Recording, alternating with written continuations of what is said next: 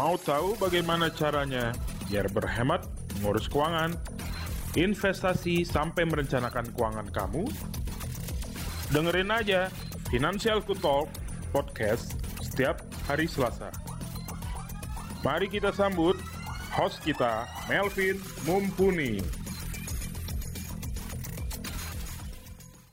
Halo Sobat Finansialku, kembali lagi bersama saya Melvin Mumpuni CFP, perencana keuangan dan juga founder dari Finansialku.com. Menemani kesibukan kamu di hari Selasa ini, aku mau cerita tentang perjalanan ibadah haji. Bagi umat Islam, ibadah haji ke Tanah Suci merupakan sebuah impian.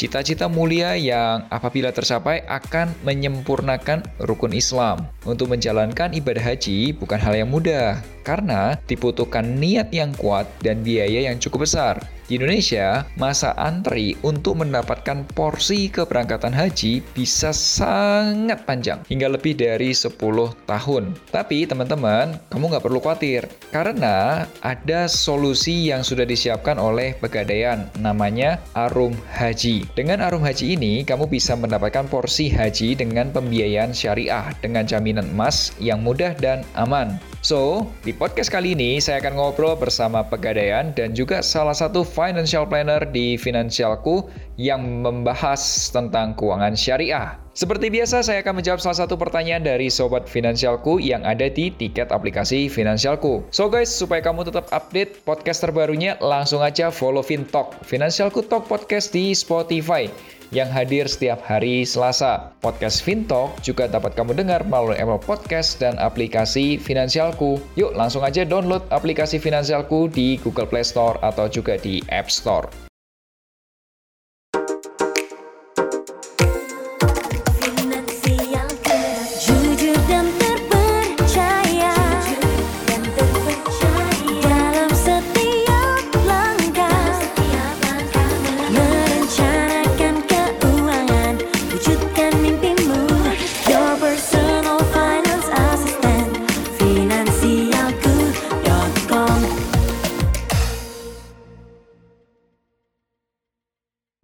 Sebelum bahas lebih detail, Sobat Finansialku dapat mengirimkan pertanyaan atau curhat keuangan melalui fitur konsultasi keuangan di aplikasi Finansialku dan kasih hashtagnya hashtag curhat keuangan. Salah satu curhatan kali ini adalah Komelvin, saya Deka dari Bandung. Ko, saya sekarang ini udah lulus kuliah dan bekerja. Saya punya cita-cita ingin berangkatkan orang tua naik haji. Apa yang harus saya lakukan supaya cita-cita saya terwujud? Yuk langsung aja kita jawab pertanyaan kamu. Hashtagnya let me share my view. Hai KTK, pertanyaan kamu ini memang sudah lama aku simpan dan belum sempat dijawab di podcast. So sorry, tapi hari ini aku berusaha hadirkan solusinya supaya kamu dan sobat finansialku yang punya cita-cita pengen berangkatin orang tua naik haji bisa terwujud. Amin. So, konsep dasarnya adalah pertama, kamu perlu cari informasi terkait dengan perjalanan ibadah haji. Berdasarkan informasi yang saya dapat, kamu perlu memiliki uang sekitar 25 juta rupiah untuk mendapatkan surat pendaftaran pergi haji. Jika kamu mau biayai kedua orang tuamu, ya maka uangnya dibutuhkan sekitar 50 juta rupiah. Kemudian, kamu bisa mulai menabung, berinvestasi, atau juga menggunakan solusi dari pegadaian yang namanya Arum Haji. Ketiga, setelah itu, mulai siapin juga dana dengan cara menabung rutin, bisa di bank syariah atau di lembaga keuangan syariah lainnya. Di podcast kali ini, aku sengaja datengin dua orang narasumber untuk membahas perjalanan ibadah haji. Aku doakan semoga cita-cita kamu bisa terwujud dan bisa menjadi anak yang berbakti kepada kedua orang tua. Amin. Buat sobat finansialku, para pendengar podcast Fintalk, jika kalian mengalami kegalauan mengenai keuangan, investasi, asuransi, atau apa pun itu, langsung aja curhat ke podcastnya Finansialku. Caranya gampang banget, download aja aplikasi Finansialku di Google Play Store untuk pengguna Android atau di App Store untuk pengguna iOS. Terus, langsung aja ke menu konsultasi keuangan. Kasih hashtag curhat keuangan. Follow juga akun Instagram at financialco_com dan at melvin underscore mumpuni untuk dapat informasi keuangan yang lebih banyak lagi. So guys, aku juga punya program khusus namanya Melek Finansial bersama Melvin Mumpuni di YouTube channel Finansialku. Videonya akan tayang setiap hari Rabu. Yes, besok. Di episode besok, aku akan cerita modal 10 juta investasi apa? Saham, reksadana, atau peer-to-peer lending? Supaya tetap update, subscribe juga YouTube channel Finansialku.com dan nyalakan notifikasinya. Yuk langsung aja kita bahas diskusi hari ini.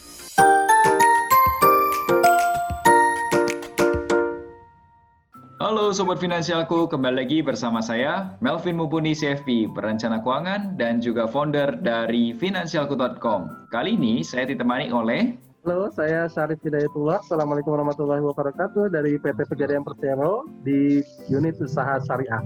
Dan juga kali ini diskusi kita ditemani oleh salah satu perencana keuangan syariah di Finansialku, yaitu...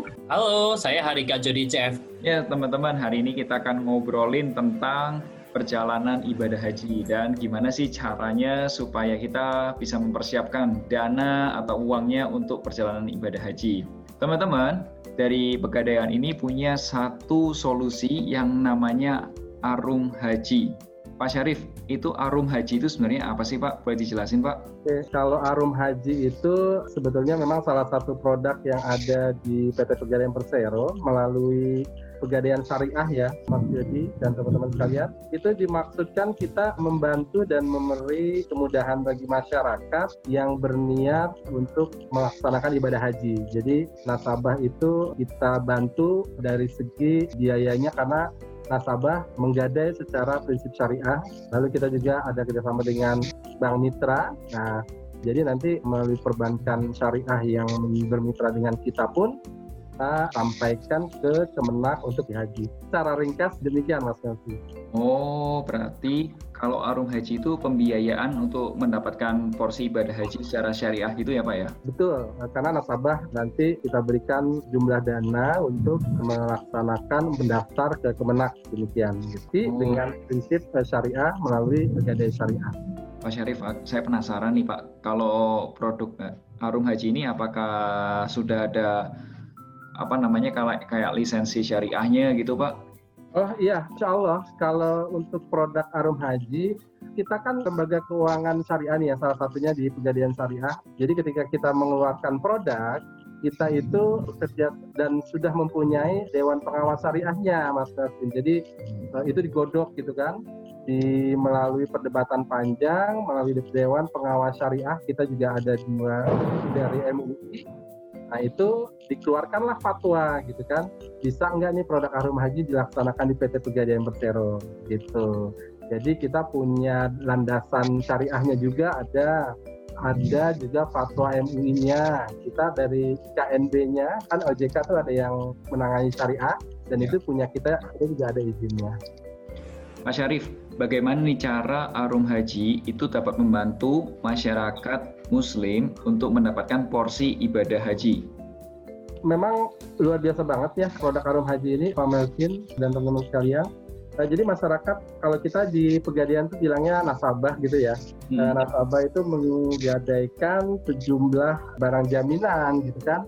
Dalam hal ini adalah dengan menggadai jumlah emas gitu kan melalui yang dititipkan di Pegadaian itu prinsip-prinsip syariah gadai syariah ya senilai tiga setengah gram LM kalau sekarang. Nah berdasarkan agunan tersebut maka eh, kita taksir itu barang jaminannya gitu kan dan kita berikanlah pinjaman jumlah uang yang diperuntukkan untuk menabung karena kan kalau di perbankan itu untuk kita setorkan ke Kemenakan 25 juta. Nah itu yang kita berikan pinjaman kepada nasabah melalui akad syariah, akadnya rahan. Nah nasabah kita berikan dana 25 juta dengan kerjasama bank mitra itu sampai mendapatkan porsi. Nah, biasanya setelah buku tabungan itu kan sampai 25 juta itu minimal. Nah, itu yang dijadikan dana untuk eh, mendapatkan porsi haji didaftarkan ke Kemenak setempat. Jadi ini cuma perlu punya emas pertamanya itu sekitar 3 gram tadi itu ya? Iya, betul. Nasabah cukup uh, menggadaikan tiga setengah gram gitu kan, tiga setengah gram emas.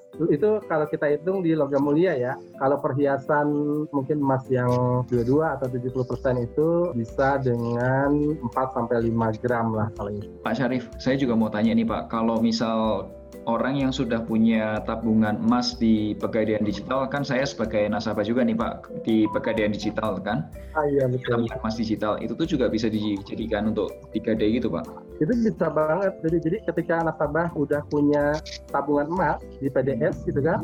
Nah, itu nanti kita jadikan agunan sebesar tiga setengah gram itu kita lock gitu kan di saldo tabungan emasnya. Eh, syaratnya yaitu minimal 3,6 gram lah buku, eh, di buku tabungannya itu saldo emasnya. Karena yang kita lock nanti kan tiga setengah persen, jadi harus ada saldo minimal itu 0,1 gram. Pak Syarif, saya mau tanya nih Pak. Ya. Bagaimana sih cara perhitungan pembiayaan arum haji atau berapa sih minimal sampai maksimal pembiayaan yang diberikan gitu Pak?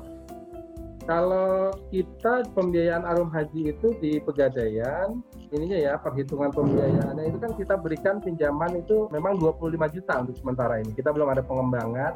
Mungkin ke depan bisa juga nasabah ketika mempunyai emasnya banyak, jadi kita cukup beri pinjaman misalnya dia punya dana e, eh, 5 juta kita kasihlah 20 jutanya gitu misalnya.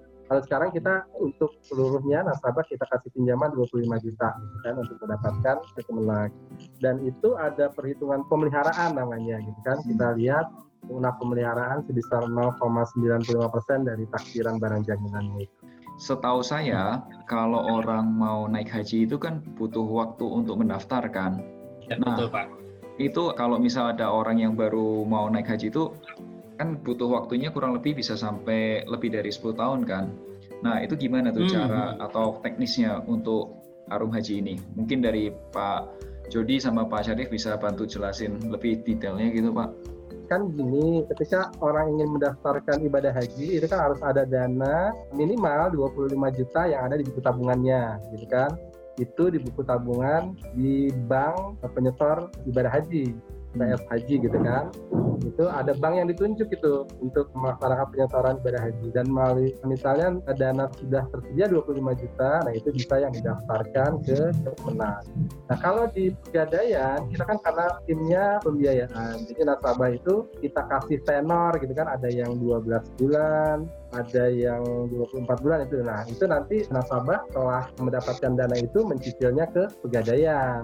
Demikian kalau di kita Oke, kalau menurut Pak Jody, solusi itu apakah itu bisa membantu anak-anak muda, bukan anak sih ya, para milenial usia 25 ke atas, 30 gitu, itu untuk bisa mulai menyiapkan ibadah haji, apakah solusi ini bisa membantu itu Pak? Jadi betul sekali, jadi ternyata ini sangat membantu sekali untuk anak-anak muda ya usianya sekitar 30-an sekian dan lain sebagainya. Karena sebenarnya yang tadi Pak Melvin sampaikan kita mempunyai masa tunggu 10 tahun lebih itu sekarang sudah tidak ada. Sekarang itu minimal itu 20 tahunan ya Pak ya, 20 tahunan dan itu semua hanya bisa didapatkan masa tunggu itu kalau kita sudah mendaftar nomor porsi haji. Nah, makanya kalau teman-teman sobat finansialku di sini nomor porsi haji ini belum ada, ya kita harus fokus terlebih dahulu untuk mengumpulkan 25 juta tadi. Nah, dengan seperti itu baru bisa mendapatkan nomor antrean. Tetapi ternyata di sini ada produk Arum Haji yang mampu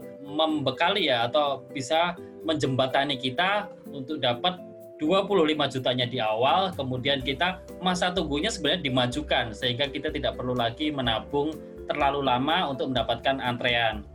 Oh, oke, okay. saya paham, saya paham. Jadi supaya kita lebih cepat dapat nomor antriannya itu berarti ya Pak ya? Ini concern. Iya betul banget Pak. Karena cepet-cepetan ini sekarang Pak. Lama makin panjang ya Mas Jody ya? Iya makin ditunda makin panjang kita nggak tahu nanti apakah ada resiko kesehatan dan lain sebagainya. Ya pengennya sih semakin mudah semakin cepat berangkat gitu. Ya puji Tuhan syukurlah ya. Semoga semakin mudah semakin bisa cepat berangkat ya. Amin Pak Pak Syarif, saya mau tanya nih, ini produk Arum Haji ini kan dibilang produk pembiayaan nih Pak, ya kan Pak?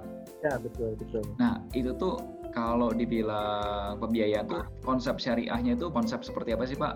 Kalau boleh tahu? Konsep syariahnya kita berdasarkan akad rahan ya, karena eh, tadi yang di awal kita sampaikan itu bahwa ini kan kita sebetulnya pembiayaan tapi dengan menggadai sejumlah barang Kenapa? Gitu kan? Ada pertanyaan, kenapa sih kok tiga setengah gram doang, tapi dapatnya pinjamannya 25 juta, gitu kan? Karena ketika orang mendaftar haji nantinya, kan itu ada dokumen penting yang kita simpan, gitu kan? Ketika orang mendapatkan pinjaman di kita 25 juta, daftar ke Kemenaknya itu ada SABPIH-nya, ada SPPH-nya, gitu kan? Hmm. Ada bukti uh, setoran awalnya dan buku tabungannya itu nanti yang kita satukan dengan emas tadi itu sebagai agunannya. Insya Allah nah nanti ada taksiran, insya Allah dari segi kesariannya juga kita uh, masuk ke situ dan bisa. Dan berdasarkan fatwa MUI dan Dewan Pengawas Syariah kita itu diperbolehkan. Karena kita sifatnya ya membantu tadi yang Mas Jody bilang bahwa kita ingin uh, mempercepat orang mendaftar nih gitu kan. Karena kalau mereka mau menabung 25 juta itu nggak nyampe-nyampe nantinya gitu kan. Jadi porsi hajinya juga makin lama makin panjang mungkin itu ya sifat kita memang sifat membantu nasabah itu untuk uh, mendapatkan cepat gitu mendaftar ke Kemenak. Demikian Mas Novi.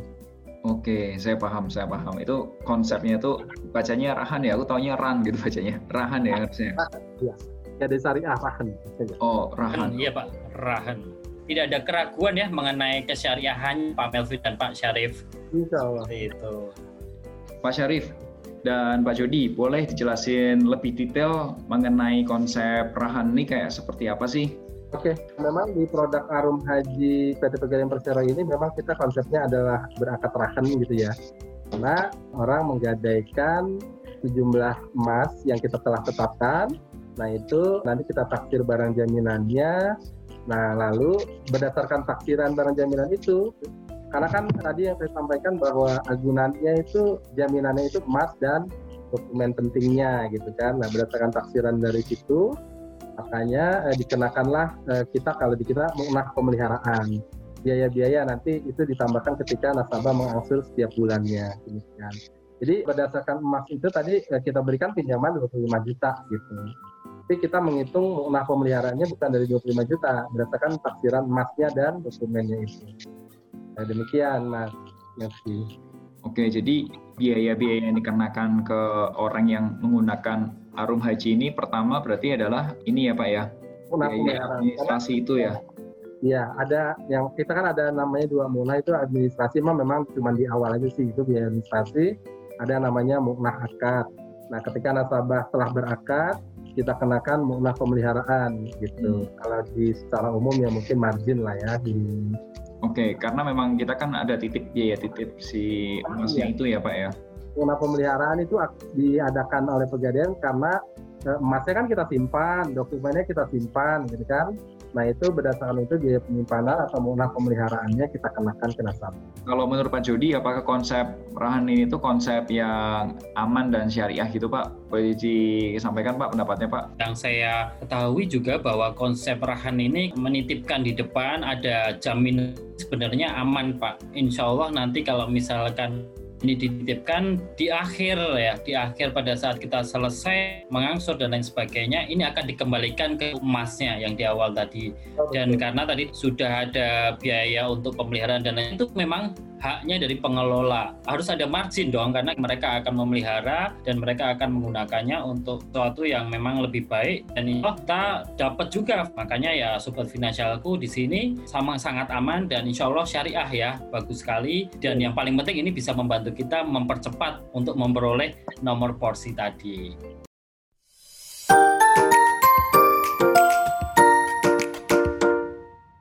Syarif, saya mau tahu nih Pak, kalau Arum Haji ini berapa lama sih jangka waktu untuk angsurannya dan gimana nih caranya melakukan angsurannya? Apakah harus pergi ke kantor pegadaian atau seperti apa Pak?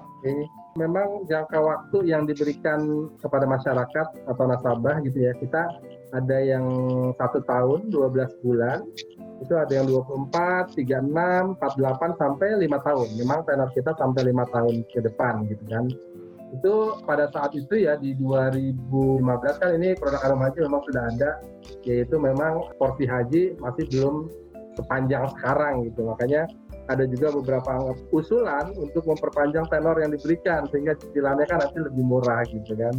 Tapi yang sekarang ada ini Pak Melvi itu ada eh, satu tahun sampai dengan lima tahun adanya seperti itu. Terus ketika nasabah udah berakad dengan kita, terus bagaimana cara mengangsurnya gitu kan? Uh, insya Allah kita juga udah bekerja sama dengan beberapa perbankan gitu melakukan pembayaran angsuran gitu kan angsuran ini gitu kan. Bisa juga kita melalui PDS kalau teman-teman dan Pak Melvi sudah uh, pernah mendengar kita ada namanya PDS Pegadaian Digital Service. Dan melalui itu pun insya Allah bisa untuk melakukan pembayaran angsurannya. Atau ketika ada outlet yang terdekat dengan kita, kita bisa langsung ke outlet terdekat. Oh ternyata gampang ya Pak ya? insya Allah gampang banget, insya Allah itu nanti ya mungkin ada pengembangan-pengembangan kita juga lebih dimudahkan. Mungkin ketika ada kan biasanya kita juga sedang bekerja sama nih dengan para wakaya waralaba gitu kan minimarket minimarket itu uh, dalam hal masih dalam pengembangan. Kalau ke depannya lebih bisa lagi. I see. Oke okay, Pak. Pak Syarif, saya mau tahu nih Pak, kalau angsuran ini nanti angkanya itu tetap atau gimana nih Pak per bulannya? Apakah bisa naik turun atau angkanya flat tetap gitu? Dan seandainya ada orang yang nggak bisa memenuhi angsurannya dalam target waktu yang sudah disepakati, konsekuensinya apa nih Pak? Ya, eh, kalau untuk akad di produk Arum Haji ini kita eh, sudah disepakati di awal ya, maksudnya jika dia mengambil tenor sekian, karena pinjamannya juga kan sudah ketahuan misalnya 25 juta gitu kan itu berarti mereka mengangsurnya nasabah mengangsur eh, angsurannya tetap setiap bulan tidak ada kenaikan gitu. Nah terkait pertanyaan kedua ketika tidak mengangsur gitu kan tentunya kita juga ada beberapa mekanisme. Ada yang namanya ya pemberitahuan ke nasabah bahwa memang ada angsuran yang harus dibayar. Kayak semacam peringatan lah ada SP SP-nya gitu kan. SP1, SP2 gitu untuk nasabah. Tapi kebanyakan karena memang untuk produk Arum Haji nasabah niatnya sudah tinggi ya, Pak Melvin.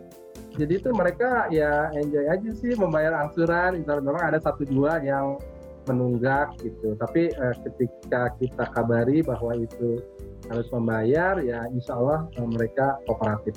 I see, I see. Oke. Okay. Pak Jody, kalau dari hukum Islam terkait ibadah haji, ini kalau dalam keadaan hutang itu gimana ya Pak? Nah, ini menarik sekali ya Pak Melvin dan Pak Syarif. Saya pernah baca ya di Al-Baqarah ayat 280 tidak membebani seseorang ya, melainkan sesuai dengan Nah, cuman kan di sini kita menjadi sangat menarik sekali. Kenapa? Kalau kita misalkan menggunakan semacam arum haji dan lain sebagainya, selama kita masih mampu membayarkan angsurannya, itu sebenarnya kita dianggap mampu. Makanya ini kan menjadi sebuah tergantung sudut pandang menurut saya dalam agama Islam ini ada sangat banyak Nah, mungkin orang zaman dulu itu dianggap mampu. Mungkin dulu itu belum banyak kebutuhan seperti sekarang, Pak. Sekarang anak-anak muda, milenial dengan berbagai macam kebutuhan yang dibagi-bagi, kemudian tidak terlalu optimal dan lain sebagainya, maka produk seperti ini selama kita masih mampu untuk membayar unsurnya, maka itu untuk beberapa ulama disebut juga kemampuan atau kesanggupan. Apalagi ini sebenarnya masuk ke dalam ranah perencanaan di mana memang perencanaan ini hal yang sangat disukai salah satunya oleh Rasulullah. Nah, maka kalau bisa disimpulkan ya kita sanggup untuk melunasi pembiayaannya itu masih menggunakan akad ya maka ini bisa digolongkan mampu. Pak Syarif, kalau sistem jaminan emas ini fungsinya seperti apa ya Pak? Karena uh, kita kan dalam produk Arum Haji ini memang berbasis rahen ya ada barang jaminan yang disimpan di kita. Makanya barang jaminan emas ini kan sebagai agunan, gitu kan? Sebagai agunan kita juga dalam menghitung uh, taksiran, menghitung muknah gitu. Dan itu juga uh, ketika orang kita biayakan, kita kita kasih pembiayaan karena kan di dalam hukum Islam itu diperbolehkan ketika orang meminjam kan ini akadnya rakan jadi orang meminjam jumlah dana 25 juta dan emasnya itu sebagai agunan fungsinya sih sebagai itu pelengkap jadi sebagai agunan ketika orang kita biayai untuk mendaftar haji ke Kemenang. Demikian Mas Nasi.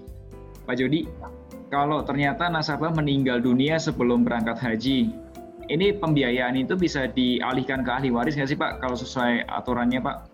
Kalau untuk pembiayaan sebenarnya balik lagi kita harus melihat terlebih dahulu dari akadnya. Mungkin Pak Syarif juga bisa membantu menjelaskan eh, di depan ini sudah ada kejelasan misalnya asuransinya Pak. Jadi kalau misalkan meninggal dunia di Tantokah harus ada dilanjutkan oleh ahli warisnya gitu Pak. Mungkin saya bisa menambahkan kali ya eh, Pak Melvin. Boleh. Memang ketika nasabah meninggal dunia apakah pembiayaannya bisa dialihkan atau berangkatnya gitu ya.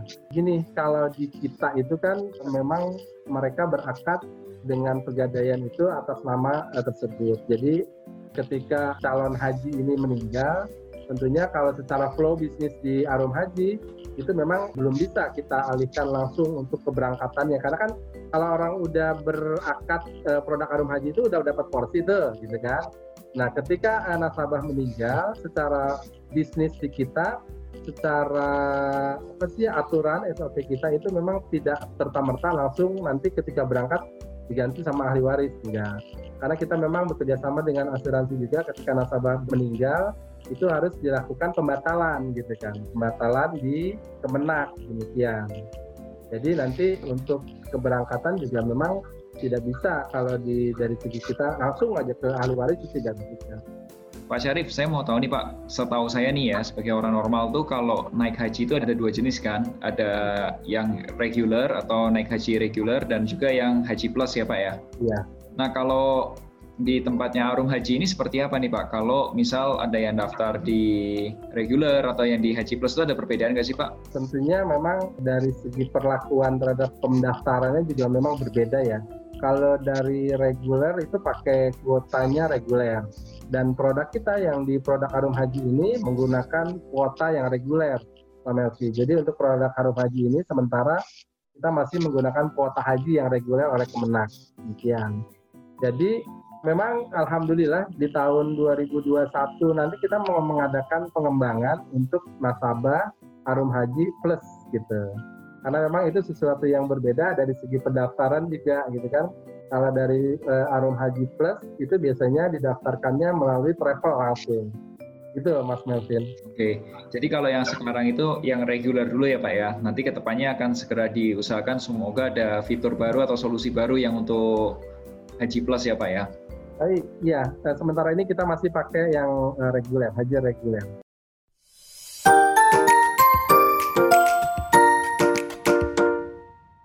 Pak Syarif, ini ada pertanyaan bagus banget. Pak, kalau misal ada orang yang tertarik untuk pengen coba mulai mendaftar atau ikut di Arum Haji, itu syaratnya gimana ya Pak ya? Memang syaratnya ya sangat mudah sekali ya.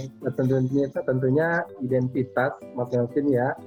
Itu memang kuota Arum Haji itu kan berdasarkan kota dan kabupaten. Jadi di mana identitas kita itu yang kita gunakan yang memang untuk saat ini kita daftarkan di outlet yang memang sesuai dengan domisili kita. Ya tentunya eh, nasabah silakan datang ke outlet kami untuk didaftarkan ya tentunya dengan membawa sejumlah agunan yang tadi kita sebutkan di atas. Mau tanya lagi dong Pak. Ya. Kalau Arum Haji itu boleh nggak sih Pak? Kalau misal gini ya Pak, ini anaknya daftarin, anaknya yang daftarin, bayarin orang tuanya, itu boleh nggak sih Pak? Justru kita kebalikannya gini uh, ketika orang tua kan ada nih anaknya yang masih umur 12 tahun gitu kan? Masih 12 tahun tapi ingin didaftarkan di produk Arum Haji kita. Itu bisa kita daftarkan untuk QQ-nya gitu kan? Nah kalau misalnya anaknya itu umur 12 pakai nama orang tuanya gitu kan untuk kan tapi namanya yang didaftarkan ya nama anaknya gitu tapi tadi kebalikannya ketika orang ingin mendaftarkan arum haji atas nama orang tuanya ya memang yang kita akadkan orang tuanya gitu. Hmm. Jadi yang nanti berarti boleh ya Pak ya kalau misal nih ada anak usia 30 tahun pengen berangkatin orang tuanya perjalanan ibadah haji itu boleh berarti ya Pak ya pakai arum haji ini? Ah boleh, boleh, boleh ya. Tapi hmm. tetap yang kita akadkan nanti dengan orang tuanya gitu ya. Dan itu boleh didaftarin kedua orang tuanya langsung boleh ya Pak? Boleh, boleh kedua orang tuanya. Oh, berarti itu sangat membantu banget ya buat orang-orang kan banyak nih Pak anak-anak yang usia 30 sampai 40 tahun itu pengen berangkatin orang tuanya haji, dia udah karirnya udah oke. Okay. Itu berarti sangat-sangat terbantu ya dengan cara seperti ini ya Pak ya dengan arung haji ini ya Pak. Eh, hal itu sangat terbantu sekali. Ada juga uh, kemarin ada misalnya satu keluarga itu ya memang ada misalnya asisten rumah tangganya itu udah sangat lama dia itu didaftarkan mas kemarin tuh oh, untuk uh, dengan dana tertentu. Tentunya ya ada syarat-syarat mungkin umur di nasabahnya. Pak Syarif dan Pak Jody, ini kita sudah di akhir podcast kita. Kira-kira dari Pak Syarif dulu, apakah ada pesan-pesan buat teman-teman Sobat Finansialku yang dengerin podcast kali ini? Silakan Pak. Iya. Nah, untuk sahabat-sahabat finansialku, marilah ya kita mulai dari sekarang kuatkan niat kita gitu kan. Apalagi teman-teman milenial ini sebetulnya mampu, tapi belum mengarah ke situ yang sekarang gitu kan. Karena mereka melihatnya sekarang ke materi gitu kan. Eh, marilah mulai dari sekarang tuh kita kuatkan niat untuk ya ini karena uh, merupakan bagi muslim itu kewajiban juga ini salah satunya.